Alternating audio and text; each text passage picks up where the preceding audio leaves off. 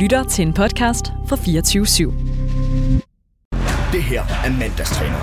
Bedre vidne analyser med overskud og lugten af fadøl.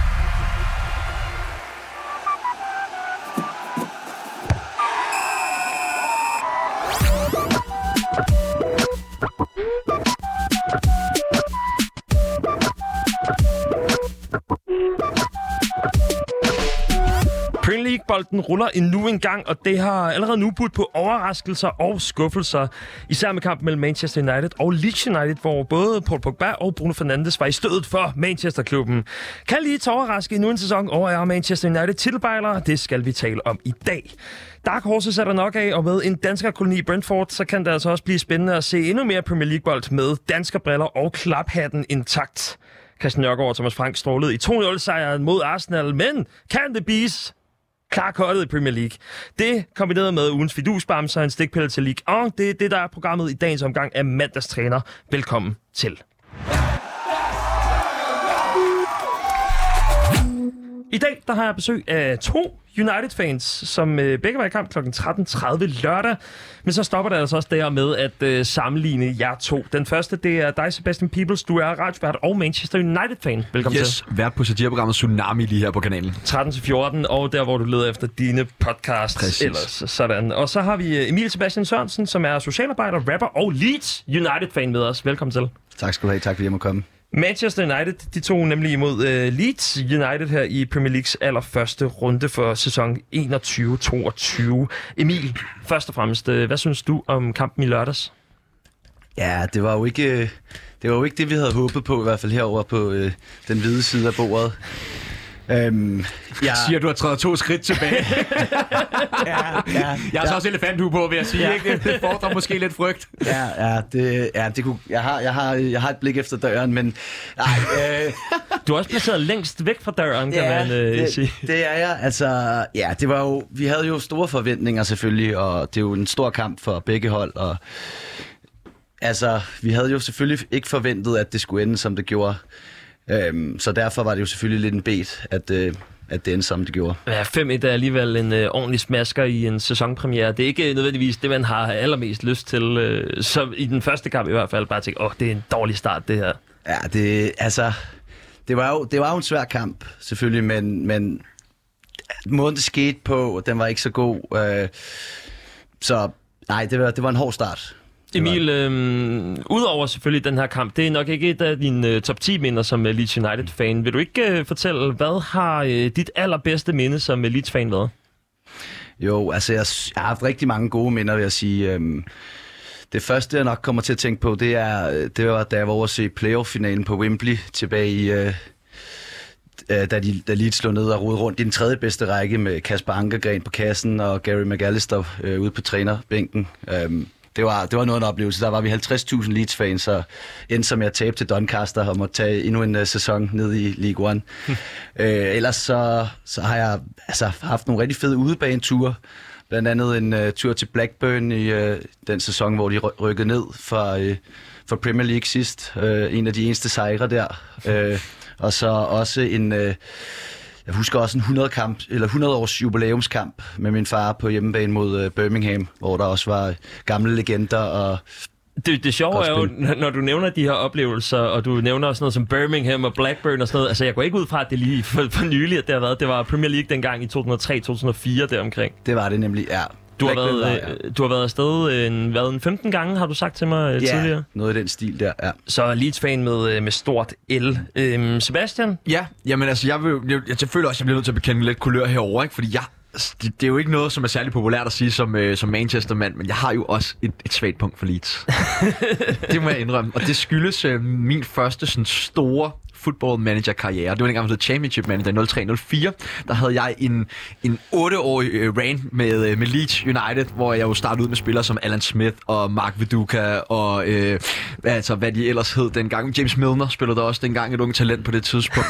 altså, så jeg har jo også haft lidt det der. Min far fik dog hurtigt pillet af mig, da han fandt ud af, at jeg sad op på mit mørke værelse og havde kørt en Leeds-account deroppe. Så fik mm. han ellers ind og fik slettet den Ja. øh, for mig, og så startede han ind op for Manchester United for mig Sådan, i stedet hvorfor for. kan du ikke bare søge porno som alle andre? Ja, øh, præcis. Som alle andre øh, normale 10-årige gør. Okay, måske lige, øh, lige tidligt nok. Jeg var tidligt udtalt for dig selv. Sebastian, øh, hvor tilfreds kan du være som øh, Manchester United-fan efter den første runde her? Uh, jeg er meget tilfreds. Jeg er meget, meget tilfreds. Øh, det er jo et Roses derby jo, så først og fremmest bare få lov til at vinde det, det betyder jo allerede noget.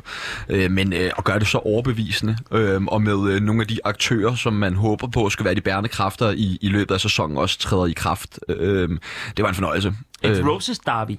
Ja, det er jo det, at øh, derbyet mellem øh, Leeds og United bliver kaldt. Nå, der er så mange øh, forskellige derbys rundt omkring, men det er jo altså, selvfølgelig også Leeds, en af de helt store. Leeds, som i, er en, øh, en traditionsrig klub, og det samme med Manchester United, som, øh, som ikke har rykket ned i hvert fald øh, på det seneste, heller ikke spillet League, øh, League One. Nu var jeg lige ved at sige League 1, øh, men det hedder jo selvfølgelig League One. Nogenlunde samme niveau, vil nogen mene, men øh, det er en anden snak. Sebastian, hvad er øh, dit bedste minde som Manchester United-fan? Åh, ha. Mm, jeg, jeg ved ikke mit, mit bedste, men mit første minde, det er i, øh, i 99, da vi vinder Champions League øh, mod Bayern München i den her savnomsbundne kamp, hvor United scorede to mål i overtiden. Øh, jeg så ikke kampen, jeg lå oppe i min seng, men øh, blev vækket af min far, der kom hoppende op i sengen med Union Jack rundt om halsen og råbte, we fucking got it, we fucking got it, men han tog en ærestur rundt om blokken i, øh, ja, ingenting andet end Union Jack. Hvad er en Union Jack? Union Jack, det er det storbritanniske flag. Ah ja, Ja. der kan man bare se. Yes. yes så langt, så godt. Lad os øh, komme i gang med første runde, som tager udgangspunkt i øh, de to klubber her efter første spillerunde. Lørdag den 14. august kl. 13.30, der lød startfløjtet til kampen mellem Manchester United og Leeds United altså, og det var en kamp, som endte 5-1. Første halvleg gik udmærket. Altså Manchester var kun foran 1-0 ved pausen, og så øh, kort efter så udligner Leeds til 1-1. Og så går der ellers bare Bruno Fernandes show og Paul Pogba i den derefter. Emil, øh, fornemmelsen inden kampen, hvordan var den? Den var faktisk god. Øh, vi, har, øh, vi har tidligere startet som ny torden under Bielsa, øh, og jeg havde faktisk jeg havde forventet, at, øh, at det ville være et mere lige opgør. Øh, at det, altså, der tegner sig hurtigt et billede af, at, øh, at det, vi var sgu ikke helt klar, og jeg havde, jeg havde måske egentlig jeg havde forventet måske egentlig, at vi godt kunne tage øh, Manchester en lille smule på sengen. Øhm, de har haft nogle profiler med til blandt andet EM selvfølgelig, og som først lige er kommet tilbage og så videre. Og Leeds, som jeg, som jeg siger, øh, øh, plejer at starte som lyn og torden. Men øh, det, var, det viste jo sig så at være måske nok en lidt naiv, øh, et naivt håb, ikke? Mm. Øhm, så, så forventningerne var faktisk store, vil jeg sige. Øhm, men ja, Tror du, der havde været, øh, nu stiller jeg bare et spørgsmål, men tror du, der havde været et alternativ for Leeds, altså at spille den kamp på? Fordi for mig at se, er Leeds jo lidt en, en one-trick pony, men med et virkelig, virkelig, virkelig flot trick. Men, men altså, Bielsa har jo en måde at spille fodbold på, og ku, så kunne, det egentlig have, have, kunne de have gjort noget anderledes, altså spilmæssigt? Jamen, det, det er korrekt. Altså, man kan sige lige præcis i går blev det jo virkelig udstillet, uh, Leeds, når deres plan A ikke virker. Øhm, vi så jo lidt i sidste sæson, hvor at, øh, selvfølgelig, det havde jo det var jo mindre tilbage til sidste sæson, næsten Old Trafford-kampen, men i den anden kamp på Ellen Road, hvor den faktisk blev 0-0, der spillede Leeds jo sådan set egentlig mere pragmatisk og fik sat en stopper for øh, Manchesters spil der. Så altså, det kunne der nok, men det er jo også både, altså det er det, der er en øh, velsignelse og forbandelse, kan man sige med Bielsa. Øh, når det fungerer, så er det meget smukt og underholdende, og når det så ikke lige fungerer, som det skal, så, så, så kan de godt ende ind i en, sådan en kamp, som vi så i går, og specielt også når kado til Manchester også. De spiller jo også en god kamp, og de, de er gode til at udnytte Mm. det spil, som Leeds Men man skal jo ikke tage fra Leeds, at det alligevel endte som uh, nummer 9 i sidste sæson. Uh, altså en kæmpe overraskelse for mange, og altså netop også meget underholdende Bielsa, som er den her meget uh, entusiastiske, passionerede træner, som, uh, som rigtig mange andre Premier League-fans jo også rigtig godt kan lide. Så man havde måske tænkt, at det ikke ville være en 5-1-kamp, men uh, at den måske havde været mere lige.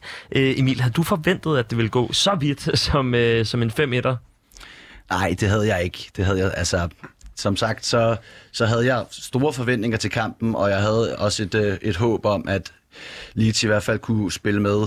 Øhm, så nej, altså, der var mange ting, der gik galt, og så altså, jeg vil sige, det, det, kommer jo ikke, det kommer jo ikke ud af ingenting. Altså, det, det, vi har jo set det før, det er sket. Så det er jo ikke en måske verdens største overraskelse, men jeg havde trods alt alligevel ikke forventet, at det ville gå så galt.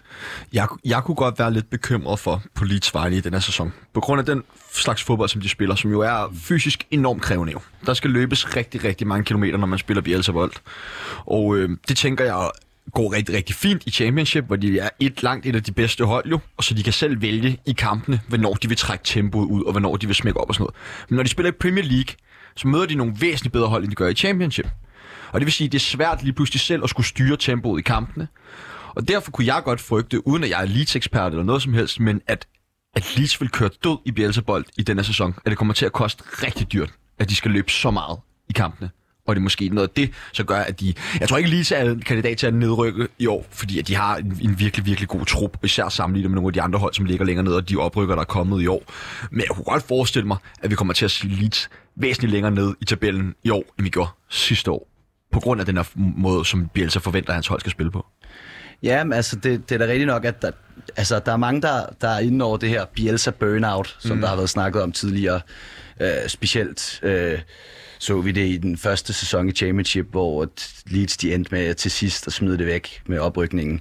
Men på den anden side, hvis man ser de sidste jeg tror, det var de sidste 10-11 kampe i sidste sæson, der var Leeds det hold, der faktisk fik flest point øh, bag Liverpool, og de havde en, de havde en, øh, en april måned mod nogle af de allerstore, eller allerstørste der. Øh, så jeg ved sgu ikke, altså, jeg forstår godt, hvad du mener, men jeg, det tror jeg ikke kommer til at ske. Men det, det man kan sige, det er, at hvis, hvis Leeds de får nogle skader til bærende kræfter osv., så, videre, så har de måske ikke den bredeste truppe. Og vi så også i går for eksempel, når Calvin Phillips han ikke spiller fra start, og der så er en anden en, der skinner dæk op, mm. der Robin Koch, så mangler Leeds bare noget.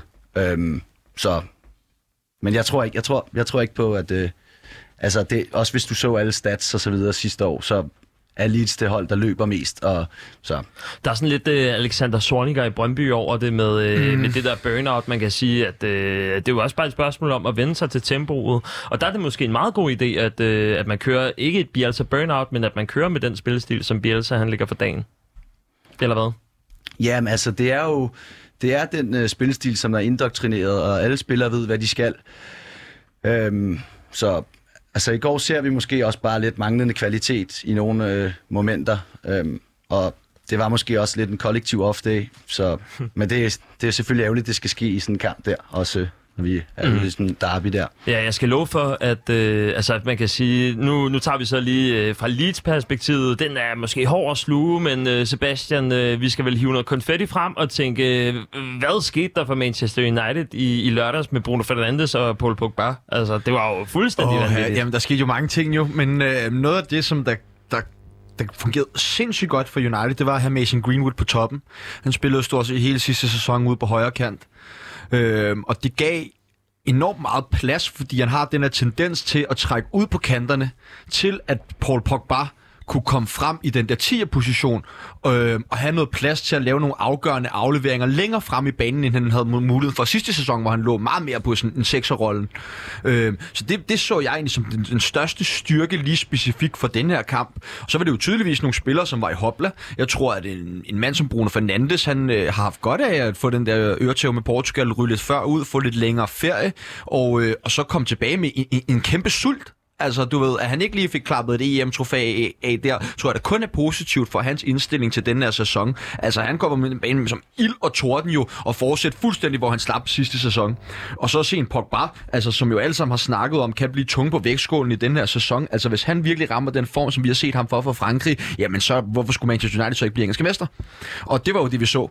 Og så så vi Greenwood også overtage den her, jamen, 9 position, hvor man har været lidt i tvivl om, jamen, har de kun Cavani i den her sæson? Men det er jo Mason Greenwood så allerede beviser i første kamp, og hvad det var en ene svane, men det tvivler jeg på, at at han sagtens også kan udfylde den her 9. position, og faktisk tilført noget ekstra i forhold til Cavani, som bare hænger derop, men for Jason Green, som både droppede ned i banen, som gjorde, at Bruno Fernandes kunne komme lidt længere frem, men også trække ud i siden, som gjorde, at Paul Pogba kunne komme lidt længere frem. Så det vil sige, at det er taktisk snille fra Solskjaer? Det tror jeg bestemt, ja. Og ikke så meget... Øh, altså jo, selvfølgelig Mason Greenwood, han spiller også fint. Ja, og så har du nogle spillere, som sagt, som har noget blod på tanden også, når de kommer ind. Du har også Mason Greenwood, som øh, blev skadet op til EM og ikke nåede at komme med til England. Ikke? Så på den måde, så tror jeg, de er ret godt stillet i forhold til, hvordan EM-slutrunden udartede sig i løbet af, af, af sommerferien.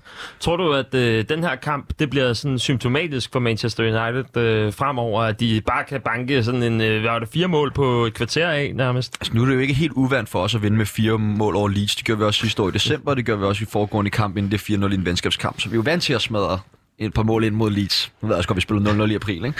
Men, øh, Hvad sker der også lige for, at McTominay han er øh, prime med Ronaldinho og Zidane? øh, De, når, Ja, ja, ja, men altså, når McTominay rammer formen jo, så er der jo ikke mange andre end Zidane, der er bedre end ham på den centrale midtbane. ikke? og det er jo også fremragende at se. Ligesom ikke? at se Andreas Cornelius i de her 10 minutter i Ja. øh, juli måned, eller hvad det var, hvor at mange mener, at han var verdens bedste fodboldspiller lige de 10 minutter. Og det kunne være, at McTominay han også lige havde gjort det der. lurer mig, om vi ikke ser en til United-signing, inden der transfervindue er overstået på den centrale midtbane. Ja. Det kunne jeg godt forestille mig. Hvem tænker du? Jamen altså, jeg så jo allerhelst selv, det var Kammervinga, men det tror jeg, øh, mm, det begynder at se sværere og sværere ud, selvom jeg virkelig havde forestillet mig, at han skulle væk fra Rennes i den her sæson. Øh, men øh, Ander Herrera tilbage for øh, Paris Saint-Germain. Ja, okay. Ja, det, det er måske faktisk et godt bud. Altså, Også bare øh, fordi de mangler virkelig en, der kan vinde nogle øh, nærkampe derinde på den centrale midtbane. Altså, det, uanset hvor meget man har brugt dem i football manager på den defensive midtbane, så Fred og McTominay er bare ikke defensive midtbanespillere. Altså. Og så har Rennes også en eller anden form for transfertag på Manchester United. Nu tænker jeg på Kamaldin Sulmana blandt andet, som, øh, som jo tog til Rennes i stedet for United, hvor han var rygtet øh, afsted. Og så tænker jeg, at Kammervinga ja, vil da jeg- her gerne spille med Kamaldin i stedet for at tage til det, det, United. det, er jo, det er jo nok det faktisk, der har, der har gjort ud, udslaget for det. Det er bare, øh, jamen, Kamaldin, øh, der har sagt, åh, for fanden mand, de slutter røv til forhandlinger derovre, eller noget i den stil. Men øh, jeg, har, jeg har en rigtig god mavefornemmelse omkring Manchester United den her sæson, og tror, vi kommer til at være med helt fremme, hvor det er sjovt i jamen, hele sæsonen igennem. Om vi vinder mesterskabet, det er svært at sige, fordi at der er fire fuldstændig vanvittige gode trupper i øh, den engelske Premier League i år, som er jamen, nok noget af det bedste, vi har set i de sidste 10 år i hvert fald. Og der tæller du selvfølgelig ikke Arsenal med i den ligning. Nej, jeg, jeg, jeg håber ikke, jeg træder nogen over tæerne ved at sige, at i den, min ligning i hovedet er, der hedder det Manchester City, Manchester United, Liverpool og Chelsea. Ja, Chelsea, som også har været, øh, været gode på transfervinduet i den her omgang. Lad os lige øh, vende tilbage til Leeds. Altså Leeds United fik jo en, øh, en 9. plads øh, som oprykker sidste år, og vi har ikke rigtig set dem i Premier League øh, før det. Altså sidst var det jo i sådan 2003-2004. Du fortæller, at det var øh, fede minder dengang mod Blackburn og sådan noget, øh, hvilket bare siger, hvor lang tid siden det er. Hvad, øh, hvad tænker du om, om den her... Øh, altså, øh, Leeds i Premier League, det må på en eller anden måde pege mod en ny æra, eller noget af den stil. Ja, det er jo super fedt. Altså, vi har jo, det har jo været lange 16 år. Øh, selvom at der har selvfølgelig har været fede minder, og vi er rykket tættere sammen i bussen og så videre, så spiller man jo for at spille i den bedste række. Så, og som jeg ser det lige i øjeblikket, så er klubben et rigtig godt sted. Altså, øhm, der er ro på de indre linjer. Vi har en god ejer. Vi har en rigtig god træner. Der er et, et koncept, der fungerer, for det meste i hvert fald. Øhm, der er blevet hele infrastrukturen omkring klubben, træningsanlægget osv. er blevet er kommet op til en højere standard. Vi har en, øh, et, nogle rigtig øh, gode unge spillere, som kommer frem, og nu kommer fansene jo så også igen. Øhm, så jeg, jeg, jeg tror, der er gode tider for Leeds. Altså, der, er- der er selvfølgelig stadigvæk et stykke op, og det så vi også i går. Øhm, op til blandt andet de fire klubber, som Sebastian er inde på. Mm. Men, øh, men jeg tror godt, at vi kan i løbet af nogle år kan vi godt etablere os som et, øh, et fornuftigt Premier League-mandskab, som kommer til at spille med om de der måske lidt sekundære placeringer, i hvert fald i første omgang. Mm, lidt ligesom den stemning, der har været om Sønderjyske, siden de nærmest rykket op i Superligaen. Lige en gang imellem går det okay, eller så er det bare sådan, ja, det er i år, vi rykker ned, eller hvad. Men du tænker, at øh, Leeds er kommet for at blive, i hvert fald i en, en 10 års tid, sådan som det ser ud nu. Det, det, det er jeg helt sikker på, og jeg tror også i længere tid end 10 år. Mm. Øhm, det, det, det, det går den rigtige retning, øhm, og der er altså, der bliver virkelig, altså, det er et, der bliver investeret i et, det er et, det er et lang, langvarigt projekt, så øhm, så der er gode takter øh, at vente på. Øh, hvis vi vender tilbage til kampen, øh, som jo foregik på Old Trafford, så var der jo 72.732. Det har jeg nemlig også. Øh, et udsolgt Old Trafford. Ja. Det er jo, øh, hvad kan man sige, dejligt, at fodbolden er tilbage i, i de rammer, som den bør mm. være i, nemlig med rigtig, rigtig mange tilskuere. Øh, hvad har det haft indflydelse på sådan en kamp som i, øh, i lørdags? Måske mest af alt fra et United-perspektiv. Det tror jeg har vanvittigt meget betydning. Tænk på en spiller som Bruno Fernandes, han har cirka kun spillet, tror jeg, tror ikke engang, det var fem kampe med øh, fuld tilskuer på Old Trafford, inden at øh, corona ligesom brød ud. Så det var første gang nærmest for ham, at han kunne spille for et, øh, et fuldt Old Trafford. Og det tror jeg især for sådan en spiller som ham, og en spiller som Pogba og sådan der. Det er jo humørspillere, øh, og for dem betyder det jo alt at have tilskuer på øh, at de skriger dit navn, at øh, der er nogen at løbe ud og juble med, når man har scoret et mål, og øh, så det tror jeg betyder rigtig, rigtig meget. Så er det selvfølgelig en anden snak om, hvor fede fansen er på Old Trafford, men altså det... Øh... Ja, altså jeg har jo selv været på øh, Stratford End, som ja. jo er øh, mm-hmm. Manchester Uniteds øh, fan-afdeling, hvor at, øh, da jeg så en... Øh, det var faktisk nærmest sådan en rainy day, øh, ikke i Stoke, men mod Stoke, hvor at der var altså nærmest larmende stille mm. øh, fra fansenes side, på trods af, at de vinder en 2-3-0 i, øh, i den kamp. Det er jo, øh, der er vel også et eller andet, der spiller ind i forhold til, øh, jeg tænker, England, det er lige blevet et gult land. Det vil sige, at der er ikke nogen turister, som kommer ind og ser det. Øh, jeg har selv været turist på Stratford End, så måske er der også noget med, at dem, som kommer ind og ser den her kamp, det faktisk er rigtige fans. Ja, altså både og. Det, øh, det, det skal jeg ikke lige kunne kloge mig på som sådan, altså i forhold til om, øh, om det har været turister, eller om det har været rigtige fans, der er på stadion. Men altså, Old Trafford bærer jo præg af, at det er et kæmpe stadion i en relativt lille by. Altså, der kan være mere end 10% af hele befolkningen i Manchester på Old Trafford. Øhm, og lad os bare sige, altså det er jo nok en, lad os bare tage de første 50 procent fra, så jeg ikke ser fodbold i Manchester, ikke? og så kan du også lige arbejde dernede af fra, hvor mange Manchester-fans, der egentlig bor i Manchester. Mm, så kæmper de med City og med Salford, og så er det det nærmest. Ja, præcis, ikke? Og så ligger der alle de andre omkringliggende klubber. Leeds ligger jo lige rundt om hjørnet, Liverpool ligger heller ikke særlig langt væk. Øhm, så der er jo mange, mange store klubber, der skal deles om relativt få fans fra nærområdet, og det tror jeg langt hen ad vejen påvirker jo de her store klubber, både Manchester og især City, som man også hører jo har nærmest ikke eksisterende fanbase. Øh, United er en af verdens største klubber, men der må også lægge tryk på verdens største klubber. Ikke? Altså, der er jo kæmpe fanbase i Asien, der er mm. kæmpe fanbase i Danmark. Altså, du kan, de kan samle 5.000 mennesker ind på vores froplads når United spiller Champions League-finale. Mm. Jeg tænker, når man øh, altså, så kommer ind som fan, øh, jeg tænker så for eksempel når man rejser fra, eller fra Danmark til England og skal se sådan en kamp der, øh, så råber man og skriger på lægterne, eller er man ikke vant til at, øh, at gøre det, når man kommer som, som turist, eller altså som fodboldturist til Old Trafford? Kan man, kan man synge med? Kan man skabe den stemning, som der er behov for? Øhm, jeg, jeg, jeg, jeg synes, det er svært altså, det må jeg sige, de gange, jeg har været på Trafford, der synes jeg ikke, jeg har oplevet det som en eller anden vanvittig stemning, hvor det bare har været helt naturligt for mig at skulle stille mig op og synge sange. Det oplever jeg for eksempel på Popsene, inden jeg går på stadion. Der bliver der jo sunget fuldstændig, altså så man står helt hæs, og der er meget stor sammenhold og meget sådan fodboldagtigt, som man måske kender det fra hvad skal man sige, sektionen øh, i parken, eller øh, på, ude på, hvad er det, Faxe Sydsiden. Sydsiden. Mm. Øh, på Brøndby Stadion. Det mangler der i større grad på, øh, på Old Trafford. Altså nu er United så heldigvis kendt for, at vi har en rigtig, rigtig, rigtig stærk øh, udebanefans, og øh, altså laver enormt meget larm, når vi er på, på udebane, og faktisk en, en rimelig frygtet udebane-fankultur. Men Old Trafford har alle dage været øh, et, et svært sted at, at, at, at rive stemningen op. Og igen, jeg tror, det hænger sammen med, at det er så stort et stadion, og så få fans, der bor omkring. Leeds må vel være øh, bedre stemning end Old Trafford, Emil? Ja, det, det er der ingen tvivl om. 100 procent.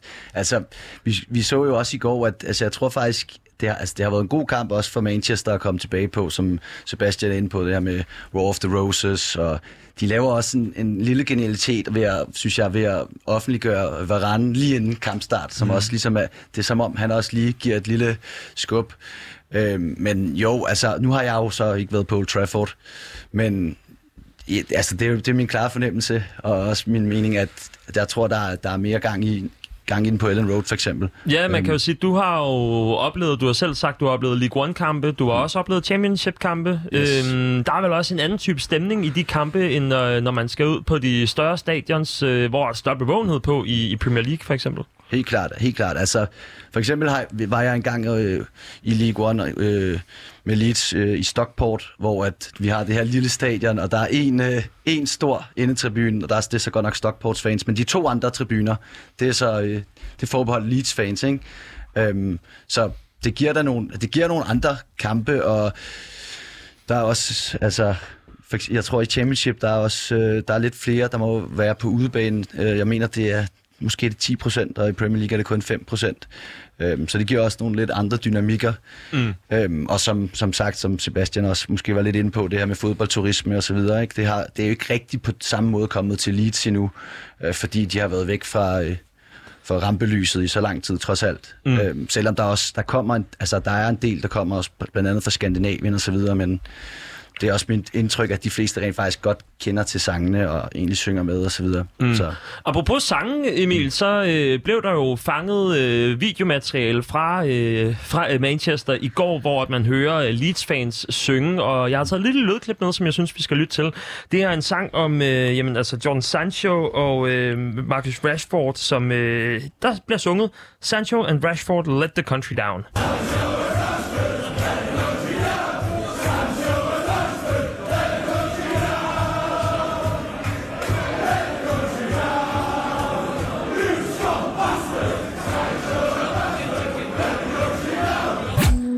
Det er jo øh, jamen, lyden af, hvad kan man sige, en, en smedesang mod to af de spillere, øh, to ud af tre, som brændte i, øh, i finalen mod øh, Italien i, øh, til Europamesterskabet.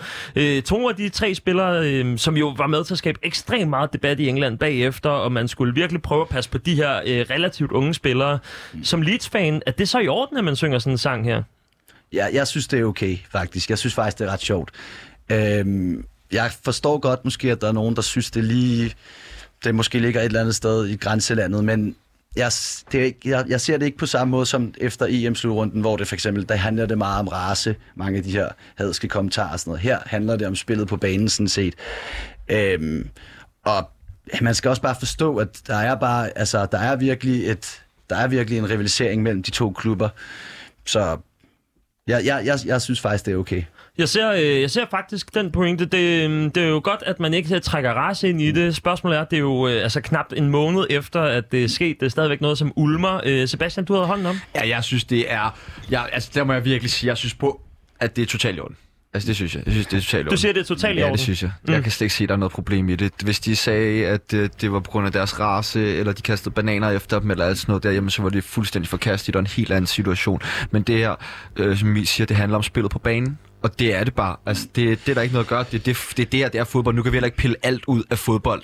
Altså, øh, det her, det er ikke myntet på noget med deres personlighed, på deres race, på deres religion, på nogle af alle de der ting, som, det er, som er, jo, er jo færdige. Det er ikke for at gøre dem til minoriteter. Det er ikke for noget som helst. Jeg synes, at det er så i orden. Altså, jeg, ja, selvfølgelig er det jo, der er jo det aspekt, de der, det er nogle unge gutter, og de har gjort deres bedste for nationen og sådan noget der. Men men det er, det er en del af spillet, det her. Mm. Det er det bare. Og det er en del af det at have fans på stadion. Det er en del af smedesangen. Det er, nu ved jeg, du kommer meget på Brøndby Stadion, og jeg ved min højre arm på, at du synger værre ting end det her, når du er på stadion. Øhm, Ikke fordi, ikke du, ikke, ikke, mig. fordi du synger, ikke fordi du synger om nogle minoriteter, det ved jeg godt, du ikke gør, men jeg er helt sikker på, at du godt kan få svinget et eller andet, om det så er luder eller død, eller et eller andet ind i en eller anden smedesang, når du er derude, ikke? Mm, ja, der er noget med øh, sådan eller noget hjem i en bombe, kiste, eller hjem og sådan nogle kiste ting, og sådan nogle øh, ting. bliver ikke? der jo og selvfølgelig allerede sunget. der synes jeg, at, at, at det er langt værre end de Let Their Country Down, fordi det var præcis, hvad de gjorde. Mm. Det var præcis, hvad de gjorde. Og, det, er, og det, alt, hvad der så kommer efterfølgende med abe-emojis og sådan noget, der, det er til at brække sig over, fordi det er jo ikke på grund af deres farve, at de har lavet øh, svigtet landet. Det er jo fordi, de var elendige til at sparke straffespark. Ja, altså jeg, jeg, jeg tror også, det, medierne har set en eller anden mulighed for at lave et eller andet negativt spin over et eller andet, som egentlig bare er det, man derovre vil kalde banter, synes jeg. Øhm, og altså, vi har jo også set fortilfælde med det tidligere, hvor spillere, altså jeg kan huske dengang øh, Steven Gerrard, han gled der, der er, blevet, der er der også blevet sunget smedesange omkring ham, øh, øh, som der også er blevet diskuteret i et tidligere program med her, altså med for eksempel det der 5-0, vi griner stadig og så videre, her, som vi kender her hjemmefra, ikke? Altså, der er sket værre ting, lad mig sige det sådan, i forbindelse med kampen. Altså, øh, der, var jo, der var jo lidt ballade uden for stadion og så videre. Øh, jeg så, man, der var nogle Manchester-fans for eksempel, der havde et øh, tyrkisk flag med på tribunen, som er sådan en, det er en reference til en gang, hvor to Leeds-tilhængere de blev stukket ned i, øh, i Istanbul, da de spillede mod Galatasaray. Det var den gang, der var øh, UEFA Cup-finale inde i parken faktisk, hvor Arsenal spillede mod Galatasaray senere, hvor det også endte inde på Rådhuspladsen med, med stole og borer frem og tilbage. Øhm, Jeg ved også, at der også er Leeds-fans, der tidligere har sunget om øh, den flykatastrofe, der var øh, med Manchester München. Altså, der synes jeg, det er over grænsen, men, men lige præcis det her tilfælde, synes jeg egentlig bare er meget sjovt. Ja, fordi det er jo noget, vi øh, tit taler om her i mandagstræner. Altså, hvor går grænsen med de her banters? Øh, Nu har vi talt meget om det i tidligere programmer med, hvordan at, øh, det ligesom har været i Danmark. Men nu øh, trækker vi ligesom øh, ud over landegrænsen og kigger mod England, hvor at, øh, banteren måske er anderledes. Eller øh, hvad tænker du, Emil? Du er jo også FCK-fan, skal lige siges. Du øh, er også på lægterne inde i parken. Hvor, øh, hvor ser du de største forskelle mellem den engelske øh, sådan sangbanser og den danske? Altså, ja, først og fremmest vil jeg sige, man, der, der, man, øh, i England, der kører de lidt mere det, som, som de kalder for chants. Altså, det er sådan lidt kortere, måske lidt højere øh, øh, råb, hvor at i Danmark, i hvert fald i parken, og jeg tror også, det er sådan på Brøndby Stadion og også mange andre steder, der kører man måske lidt længere. Der kan man godt lige pludselig have stået og sunget den samme sang, lidt op og ned i 8-10 minutter. Øhm, dertil så vil jeg sige, der altså, de er gode til England at være umiddelbare og lave sange om det, de ser. Øh, og så, om, altså, så, så, så de, de opfinder mange sange i løbet af kampen. Mm. De er måske også lidt mere selvironiske. Øhm, Ja, I min notat, de er jo en kilometer foran i, i England, når de kommer til at skulle lave sange. Altså, Så skulle de, det lige øh, være i Brøndshøj i, øh, i tror jeg, anden division, hvor jeg har været ude at se... Brøndshøj-kortet ja, gang. eller også fra det første division. Jeg har set Brøndshøj øh, vipsende, nogle andre vipse eller bier øh, mod Viborg på et tidspunkt, hvor at øh, Brøndshøj, der, det blæser sindssygt meget inde på stadion, og så øh, vælter målet lige pludselig. og så begynder alle Brøndshøj-fansene at synge, vi vælter jeres mål, vi vælter jeres mål, for Brøndshøj er de bedste. Altså, det er jo også Ja. øh, måske den, øh, den er britiske måde hjørnebanden for årets fremad, og Ja, også har lige en masse gode Ja, sange. de, altså, men, ja, altså, det klassiske eksempel er jo He's Eating Pie, ikke? Jeg tror, det er så Bradford dengang, ikke? Men øh, det, det, er der, det er der sikkert mange derude, der har set øh, YouTube-klip af, eller så gå ind og se det, ikke? Altså en, der står og, og spiser pie på på øh, Rally Parade i, i Bradford, og så lige pludselig så står alle og synger He's Eating Pie, ikke? og det udvikler sig til, at, at der er folk kommer med sovs til ham og en gaffel og så videre, ikke? Så det er jo sådan nogle ting, ikke? Så det vil sige, at, øh, at den engelske sangkultur, eller chantkultur, øh, jeg synes I, den er bedre i England end i, end i Danmark? Ja, klart. Ja, det synes jeg også. Altså, den, den, er, den er, altså, som jeg har sagt, den, altså, det er, det er de der kortere chance, og der er lidt mere sådan ironisk distance og så videre, men øhm, ikke fordi, altså, jeg synes, vi kommer bedre efter det herhjemme i Danmark. Øhm, man ser jo heller ikke helt på samme måde i England, for eksempel øh, Tifo, øh, og den der ultrakultur med flag og så videre. Altså, der er nogle få, øh, der har det en gang imellem, ikke? Mm. Øh, for eksempel Crystal Palace har vist et... Øh, Det kan også meget Det sammen med reglerne det. på de engelske stadion. Ja, lige altså, præcis. der, er jo, der er jo så store Ja. begrænsninger. Du må ikke drikke alkohol inde på Nej, stadion. Du skal stå Det og det. bunde din øl nede foran, inden du løber op ad trappen. Ikke? Altså, der har jeg Ja. misset et Rashford-mål mod Watford. altså, det ved, Ja. så det, Ja, det, er- det er også en kæmpe forskel. Der er ikke, der er ikke, man hiver ikke lige en minuet med op. Nej, og, det er det, det er det. og når man går ned i pausen, så er det sgu svært at få og, en og, det, bajer, og fordi- så, så er det ofte også bare blevet sådan, altså, at enten de fans, der er der, jamen enten så er de så stand og visne, fordi de har drukket sig så stiv i en kamp, eller også så er ikke nået at drikke nok Nej. inden kampen til ligesom at stå og skrige helt med, ikke? Man bliver jo grebet af stemningen ude på poppen, øh, inden at man skal vade ind på, Ja, på det er det jo. Efter øh, første spillerunde er det kun Bruno Fernandes, der har formået at score mere end et mål. På topscorelistens anden plads, der ligger Mohamed Salah med en scoring og to assists. Pogba er også den eneste, der har lavet mere end en assist i Premier Leagues første spillerunde. Han har nemlig nakket fire assists indtil videre. Fredag aften spillede danske klubben Brentford mod Arsenal i deres første kamp i 74 år i den øverste række i England. Det var en kamp, som øh, klubben vandt 2-0, og øh, The Bees, som er klubbens kælenavn, har allerede taget medierne med storm og passion. Vi har blandt andet set Thomas Frank, som har spillet en stor rolle i klubbens succes de senere år, men også sådan hele atmosfæren rundt omkring klubben. Sebastian, hvad øh, tænker du om øh, Brentfords entré? Jeg har set den, altså lige så snart kom, programmet kom ud, så tænkte jeg, den der tager Brentford. Altså det var så sikkert, jeg var også på den, når det vandt og det hele. Altså jeg var, jeg, jeg, jeg, jeg, jeg, var, jeg tænkte, det er den mest sikre sejr i hele den her Premier League sæson. Det er Brentford på hjemme mod Arsenal. Og det gør Altså, så jeg, høre. det, det var sådan, jeg var sådan, der så også på sådan, det var da sindssygt. Det var da vanvittigt. Jeg kan ikke være den eneste, der har set den, og alligevel ligger den til 3-8. Godt nok lå Arsenal så godt nok også på 2, ikke? Men Du altså, skrev, du skrev den der også til mig, øh, Mathias, i, inden. Så. Ja, jamen altså, det er jo, jeg, er jo, jeg er jo Arsenal-fan, øh, når vi kigger mod England, og det er som om, at det bare er ironisk. Øh, en en anden kollega her på kanalen, øh, Vitus Robak, han øh, sagde også, jamen altså, hver, hver gang, at, øh, at Arsenal skal spille mod Tvivl som hold i Premier League i første runde, så smider han lige nogle penge, og han vinder altid lige... Jamen, den øh, lugtede bare. Det, det, det, det, der er noget, der lugtede så meget af et Arsenal-nederlag, som det, der gjorde, du ved, sådan, og ikke helt holdet, ikke helt spillet ind endnu, og sådan, og så har du møder du bare det der hold, som du ved bare, det kommer bare med fuld power. De har ikke solgt nogen spillere Brentford eller noget som helst. De har bare stået fuldstændig klar på hjemmebane og sådan der. Og Men du, altså, du, altså, Jamen, der er jo, Ben White er jo købt ind for, øh, for altså, Ja, det er også 50 sygt, millioner pund. Altså, det er jo... det er jo fuldstændig vanvittigt, synes når man det er får godt- jeg synes, Ferrari det er for godt køb. 32. Hvad siger du, Emil? Jeg synes, jo, det er et godt køb, men øh, det er jo selvfølgelig også med min Leeds-affiliation. Ikke? Han var jo fandme den bedste spiller, da vi rykkede op, men, øh, men jo, det var... Emil, kan man øh, på, nogenlunde, øh, på nogen måde sammenligne Brentford og øh, Leeds øh, sådan indgang til Premier League? Øh, ja, jeg synes, den er svær. Altså, jeg kan godt se nogle ligheder imellem øh, koncept og spillestil og så videre. Øhm, den her sådan... De vil gerne... Nu, nu var de, spillede de måske lidt mere pragmatiske øh, Brentford mod Arsenal her. De, stillede sig, de var gode til også at stille sig ned og gode til at forsvare, men altså, der er noget af den her sådan boldbesiddende og direkte spillestil.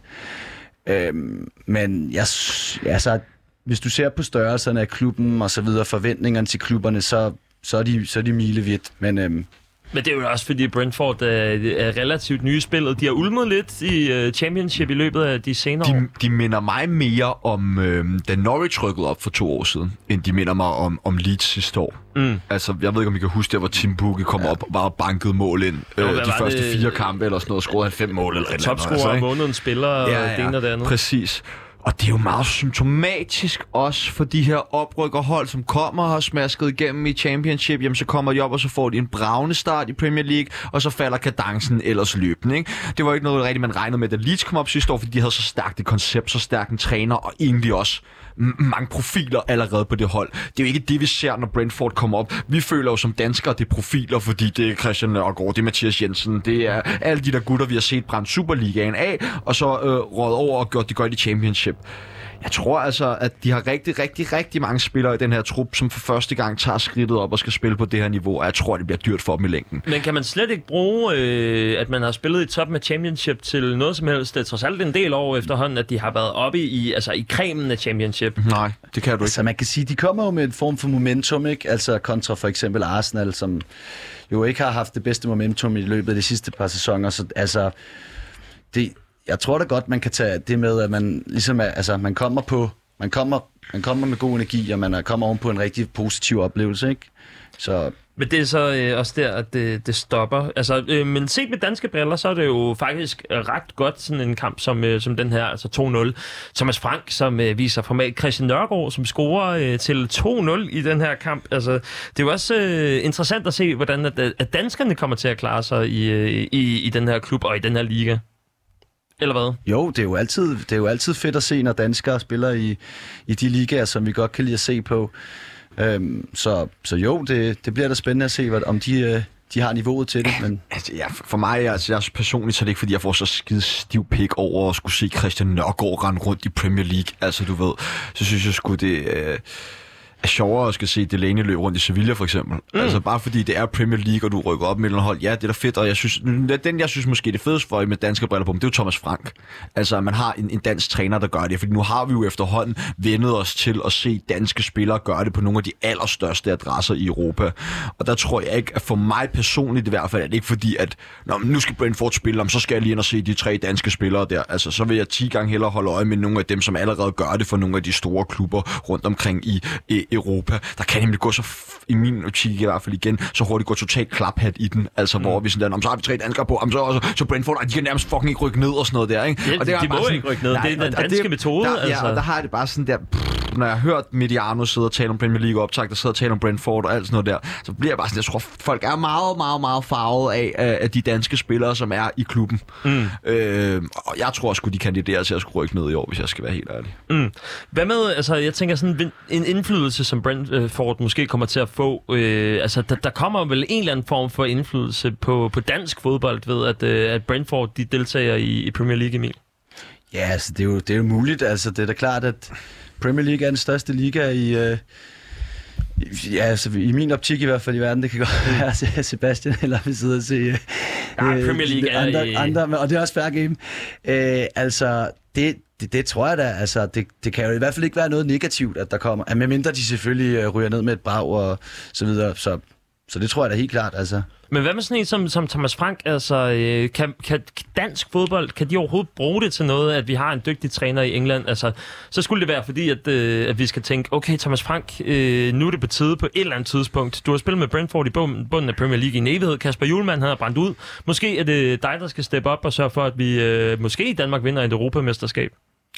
Oh, du er godt nok hurtigt til at skubbe julemanden ud nu, synes jeg, som har gjort det fremragende for det danske landshold indtil Nå, videre. jeg, jeg, jeg tænker da, øh, altså Thomas Frank, hvis man ja, skal men- finde en eller anden vej ind for, øh, Jeg for tror- Thomas Frank i dansk fodbold. Jamen, det kommer jo an på, hvordan den her sæson kommer til at gå. Hele vejen rundt. Både for Thomas Frank, for de danske spillere, altså hvad det er, vi ligesom skal stå tilbage med efterfølgende. Fordi hvis de rører ned på røv og albu med en samlet score på under 20 point, jamen altså, så er der jo ikke nogen, der kommer til at huske dem igen, og så bliver det sgu nok også svært for Thomas Frank at finde et nyt trænerjob i det store udland. Men klarer de det helt vildt godt? Ender de i top 10? Altså, eller bare spiller fuldstændig øh, forblændende fodbold og lægger god afstand til nedrykningsstregen også og sådan der, jamen så er det da helt klart noget at komme efter det for, for de forskellige spillere, og ikke mindst Thomas Frank, ikke, som jeg jo er den, der synes, der er mest interessant, hvis du har de her danske briller på. Jeg tænker øh, rigtig meget over de her forskellige danskere. Der er jo kommet en del danskere til Premier League, altså udover Brentford selvfølgelig. Øh, Joachim Andersen er skiftet til Crystal Palace. Vi har Jannik Vestergaard, som er råd til Leicester, hvor Kasper Schmeichel i forvejen spiller. Altså er der måske også nogen, øh, som tænker, okay, øh, det danske fodboldhold, vi så, at de klarede den rigtig godt til, øh, til EM. De er øh, som, som øh, kollektiv, eller som spillere, er de gode nok til at spille i Premier League, så man måske faktisk kigger efter nation på en eller anden måde, eller hvad? Jamen selvfølgelig har, øh, har de seneste års frembrusning af danske fodboldspillere i Premier League og i andre store ligaer, der hjulpet hinanden, det er da klart. Altså så får man da øjnene mere op for det, og for, at, der, at der sker noget i Danmark. Vi kommer i semifinal til EM også, ikke? Øh, så selvfølgelig åbner nogle døre. Jannik Vestergaard var der nok ikke råd til Leicester, selvom han havde en rigtig god for, så, så, sæson for Southampton, var det nok ikke råd til Leicester, hvis han ikke også har spillet så pisse godt for det danske landshold i sommer. Altså han spiller så jo ind i startopstillingen efter første kamp jo.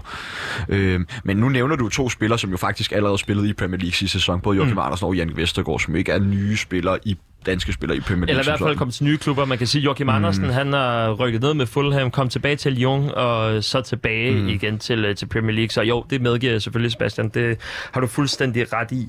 Men jeg tænker, øh, så er der selvfølgelig Christian Nørgaard, som kommer ind, øh, som måske er den, det, det bliver den største nye danske profil i Premier League, og øh, så stopper klaphatsnakken måske også der.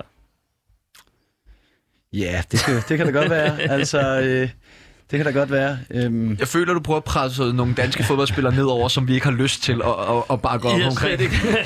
det er måske også svært som øh, FCK at, og, øh, at sige noget pænt om Thomas Frank og Christian Nørgaard kvæg deres øh, fortid i Brøndby. ja, nu kom det til at lyde, som om jeg havde, øh, havde en eller anden forkærlighed for Brentford fuldstændig, og det altså... jeg, jeg, jeg, jeg vil ikke have noget imod, de rykkede ned.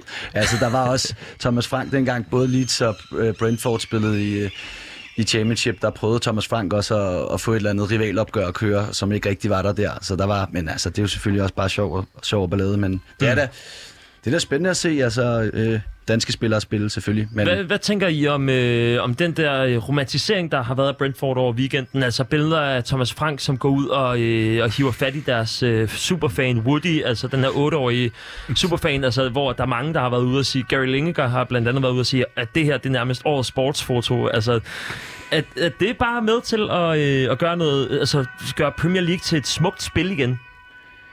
Jamen altså, det er, det er da fedt at se, at en træner er ude hos, øh, ude hos tilhængerne. Øhm, og altså, man kan sige meget af det, som der er sket i løbet af de seneste år. Altså, at spillet kommer længere væk fra fans, og vi ser Super League. Dem bliver jeg jo også nødt til lige at, lige at nævne. Øh, altså, øh, så, så på en måde er det da meget, meget fint, men altså... Det, ja, det er da en smuk gestus. Altså, det er det da. Men den slår ikke øh, den, det narrativ, der har været for eksempel EM92 med øh, landsholdet, der tog på McDonald's og sådan noget. Altså, det er ikke sådan en Ej, ja. romantisk fortælling, vi kommer med. Ej, det er jo lidt ligesom uh, hvert år, når øh, der er studieoptag den 1. juli eller et eller andet, hvor de så skriver om x og x og så mange. Det er jo det samme, om så er der en ny oprykker, de vinder første kamp, om så er der en eller anden fed oprykkerhistorie, vi kan smaske til i medierne. Mm. Altså, længere er den jo ikke. Og så... Øh, Og det er, prøv at høre, næste uge, hvis Brentford de går ud, og så taber de 8-0 til Newcastle, eller whatever, hvem de skal spille mod, jamen så, hedder, så er det, får Pibi en fuldstændig anden lyd jo. Altså så er Thomas Frank sikkert fyringstruet. Tingene går så fucking stærkt i fodbold. Så jeg synes, inden vi skal sådan sidde og sige sådan alt muligt om Brentford, som vi i forvejen måske ikke har sådan skide meget at sige til, så tror jeg måske, vi lige skal give dem noget tid. Fordi det her, det er bare øh, nogle helt normale børnesygdomme, måske en lidt for negativt lavet at kalde det en børnesygdom, men for en ny, ny, nyoprykket klub, så sker de her ting. Det er helt normalt. Vi så det med Norwich, vi har set det så mange gange før med holdene, og så fyrer luften af ballon, og så rykker de ned. Leicester, Leicester også, ja. som jo også vandt et mesterskab efter et par år. Ja. Men så alligevel nok ikke for, for Brentford i den her omgang. Øh, her øh, til sidst på den her omgang, øh, Emil, hvem tror du, eller hvilken plads tror du Brentford ender med? Jeg tror, jeg tror faktisk på, at de, de lige overlever. Øh, jeg synes, der er hold, der ser svagere ud, og jeg, jeg tror, at deres koncept kommer til at få dem til lige at overleve, men det bliver en svær sæson for dem, men det er jo vel, må vel også anses som en stor succes, hvis de overlever. Thomas Frank, han har også øh, udtalt inden kampen, øh, ja, vores målsætning, det er bare at komme så højt op som overhovedet muligt, og så må vi se, hvad der sker. Altså, det kan jo både ses som ambitiøst, men samtidig også bare sådan, at jamen, rykker vi ned, så rykker vi ned. Er det en, øh, en færre målsætning, øh, Sebastian? Øh, ja, for Brentford er det vel. Ja. Det tænker jeg da. Altså, men jeg, jeg, altså, det er jeg, fordi jeg kan kun se, at der sådan umiddelbart er tre, måske fire hold, som er dårligere end Brentford. Øhm, og det er selvfølgelig Norwich og Watford, de to andre oprykker, som jeg ser er væsentligt sværere end øh, Brentford. Og så har du Burnley, som ser virkelig ringe ud, også i mine øjne. Og så er Southampton. Dem kan man ikke helt regne med. Kommer de til at holde James Ward-Prowse endnu, fordi han kan godt komme til at spille en kæmpe rolle for dem i forhold til, om de kan klare overlevelse. Øh, men det er de klubber, ligesom jeg tænker, at dem, som kommer til at skulle kæmpe om, om nedrykning. Øh, så det bliver vel også de interne opgør mellem dem, som kommer til at afgøre, hvem det er, der ligesom kommer til at... Øh... Men nu har de fået to point mod Arsenal. To point, de måske ikke havde. Tre. Tre, ja. Tre, ja. To mål. Det er lang tid siden, vi spiller om to point. Ja. Men det, er- det, er, det, er, det er der. Dengang med tilbagelægning og det ene. Det var dengang Leeds var gode. Ja. Næste kamp for Brentford, det er lørdag den 21. august kl. 16, og det er altså mod Crystal Palace, som har købt Joachim Andersen til den her sæson. Crystal Palace, som tabte 3-0 til, øh, til Chelsea i deres første kamp. Vi skal lige øh, hurtigt nå at vende øh, Ligue 1, som øh, jo på en eller anden måde er kommet på mange menneskers øh, læber igen, efter at øh, specielt Lionel Messi han er skiftet til Paris Saint-Germain. Øh, der har ikke rigtig været nogen øh, tv-udbydere, som har hævet fat i øh, den her øh, øh, femte største liga. Der er jo mange, der mener, at, øh, at den er i, i verden. Altså, øh, hvad foregår der med det her? Det vil jeg gerne høre jeres mening om. Sebastian, øh, dit forhold til Ligue 1, hvor ikke eksisterende er det? Jeg skulle lige til at svare med ikke eksisterende. Øh, jamen, det, jeg har jeg, umiddelbart ikke rigtig noget forhold til øh, Ligue 1. Jeg følger jo selvfølgelig de klubber, vi er vant til at se i Champions League på øh, sådan noget internetnyhedsbasis. Øh, highlights fra nogle af de store kampe nogle gange. Jeg tror aldrig, jeg har set en, en hel Ligue 1-kamp live. Mm. Øh, fra sådan start til, til ende.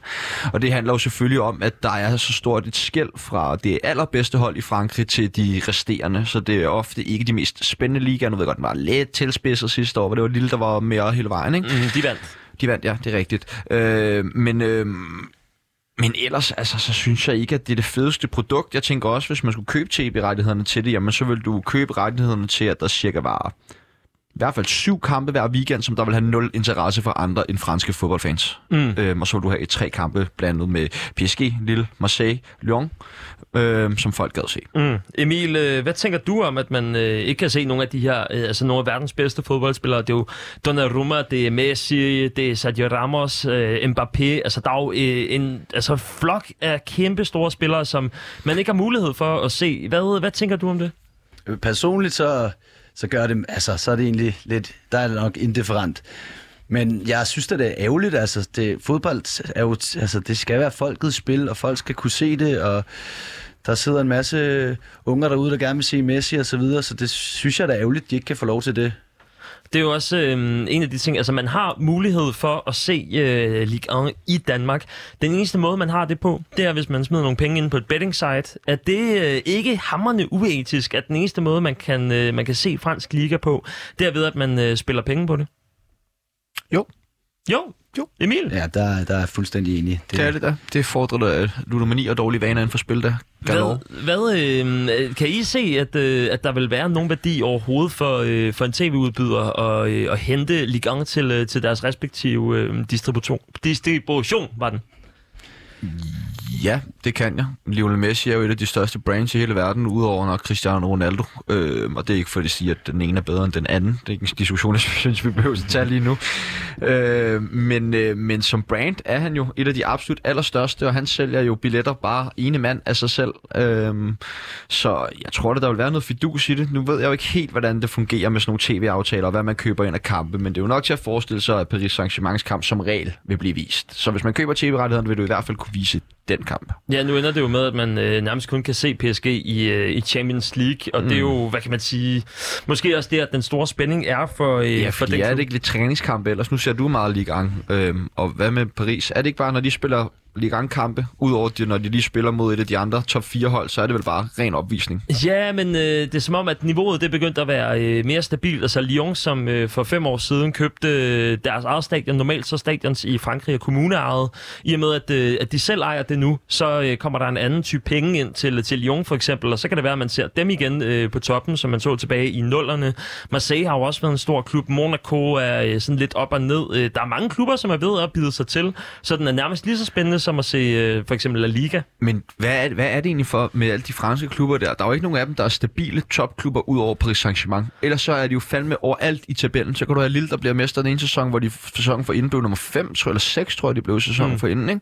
Altså, ja, eller Monaco for øh, ja, ja. tilbage i 17 sæson, hvor det går helvede til Det er fandme ikke mange år, man skal tilbage, før Monaco jo var i Champions League semifinal og havde de allermest sprudlende hold.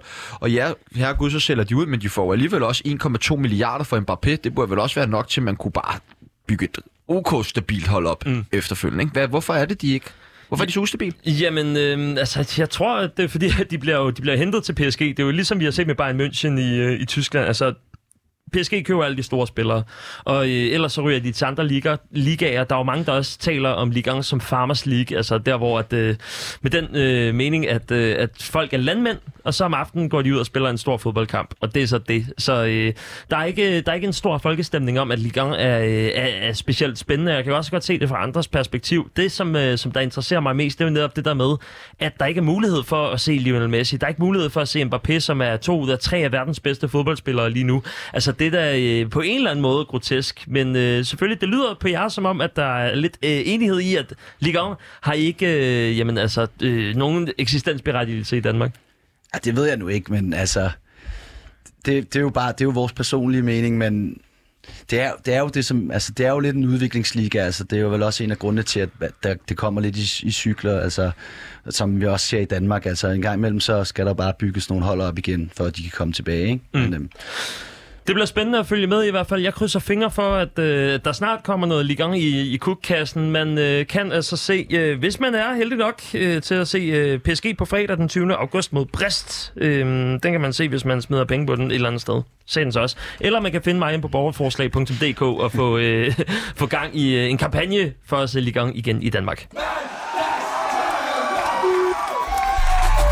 Vi når her til allersidst lige at uddele øh, en eller to fidusbamser. Lad os se, hvad vi har øh, tid til. Den første, det er den, der hedder ugens tier. Og det er altså, hvilken fodboldaktør har øh, udvist verdensklasse på det seneste. Altså, hvad har været den allerstørste grund til at elske fodbold? Og jeg vil gerne høre, Emil, har du gjort dig nogle tanker om, hvem der i løbet af den sidste uges tid har fortjent at få den allerstørste guldmedalje i fodboldverdenen? Jeg synes, at det, der vil være noget smukt over at give det til egentlig bare fansene, som generelt. Øh, altså, det var sgu det var sgu fedt at se tilhængere tilbage igen øh, i Premier League. Jeg ved godt, der har været tilhængere i dansk fodbold også i noget tid nu, men det, det var, altså fodbold er bare et andet spil med tilskuere. Jeg ved godt, det ikke er en sådan konkret øh, fidusbamse, men på en måde synes jeg egentlig, det ville være smukt at give den til Ja, specielt når vi ser de udsolgte stadier til England, som jo er en af de allerstørste ligaer i hele verden, kigger med. Så øh, den godtager jeg som en øh, helt klar førsteplads på, på ugens 10. Sebastian, hvad tænker du? Jamen, øh, min den kommer sådan lidt, nu er det jo noget tid siden, at jeg har været med her i mandags træner. Øh, og øh, jeg vil egentlig gerne øh, give øh, tieren til generelt øh, Englands øh, engagement i, engelsk fodbolds engagement i kamp mod antiracisme. Altså, man øh, endnu en gang har valgt, at man vil tage et knæ ind hver kamp i hele den her sæson sæson. Alle de hilsner, der kom til øh, Saka, til Rashford, til øh, Sancho efter det. Øh, generelt bare det fokus, som der har været de sidste mange år i, i på racisme i engelsk fodbold, hvor fodboldklubber går ud og udelukker fans, hvis de kan identificere dem, der har ude racisme og så videre, hvor jeg føler, at der er enormt mange andre ligaer i verden, især i Europa, især øh, bare for at nævne for en af de fire store i Italien, hvor at når der sker racisme, jamen så er det mere øh, en regel, at man går ud og øh, ikke, øh, man laver ligesom en undskyldning for hvorfor, eller forklarer hvorfor det var racisme, i stedet for ligesom at sige, ja, det var fucking ikke okay. Og det synes jeg, englænderne er sindssygt gode til, og det blev måske lidt glemt i, i forlæng, eller efter EM, hvor at øh, mange var efter dem for mm. det her med racisme. Den øh, godtager jeg simpelthen også som øh, en, en del førsteplads i de her øh, ugens tiger. Den jeg selv havde taget med, som, som jeg havde tænkt over, som måske er... Noget med Brøndby? Øh, nej, mere spiller konkret. Nej, den, øh, den er på min ostemad. Det når vi desværre okay. ikke i, øh, i den her omgang. Desværre, så får jeg ikke lov til at bashe mit eget hold, Brøndby. Øh, nej, øh, jeg har tænkt uh, Martin Brathwaite. I manglen af Messi, så øh, går han altså ind og scorer to basser og laver en assist. Det er, øh, det er danskerbrillerne, når de er bedst. Du har haft klarpat på Men i dag. altså, jeg skal love for, at øh, Martin Aldo han er øh, kommet i gang for, for Barcelona. Tror I, at han kan blive i, øh, i så stor en klub? Ja. Ja, hvorfor ikke, altså? Ja, Der, de, de, de, har henter, problemer med- de henter ikke flere, jo. Ja, de har problemer med lønningerne. Jeg tror ikke, han er en af dem, der trækker særlig meget i forhold til mange af de andre. Sebastian Pibels og Emil Sørensen, tusind tak, fordi I øh, gad at kigge forbi her i mandagstræner. Det var fornøjelse. Tak, fordi I måtte komme. Ja, så tak.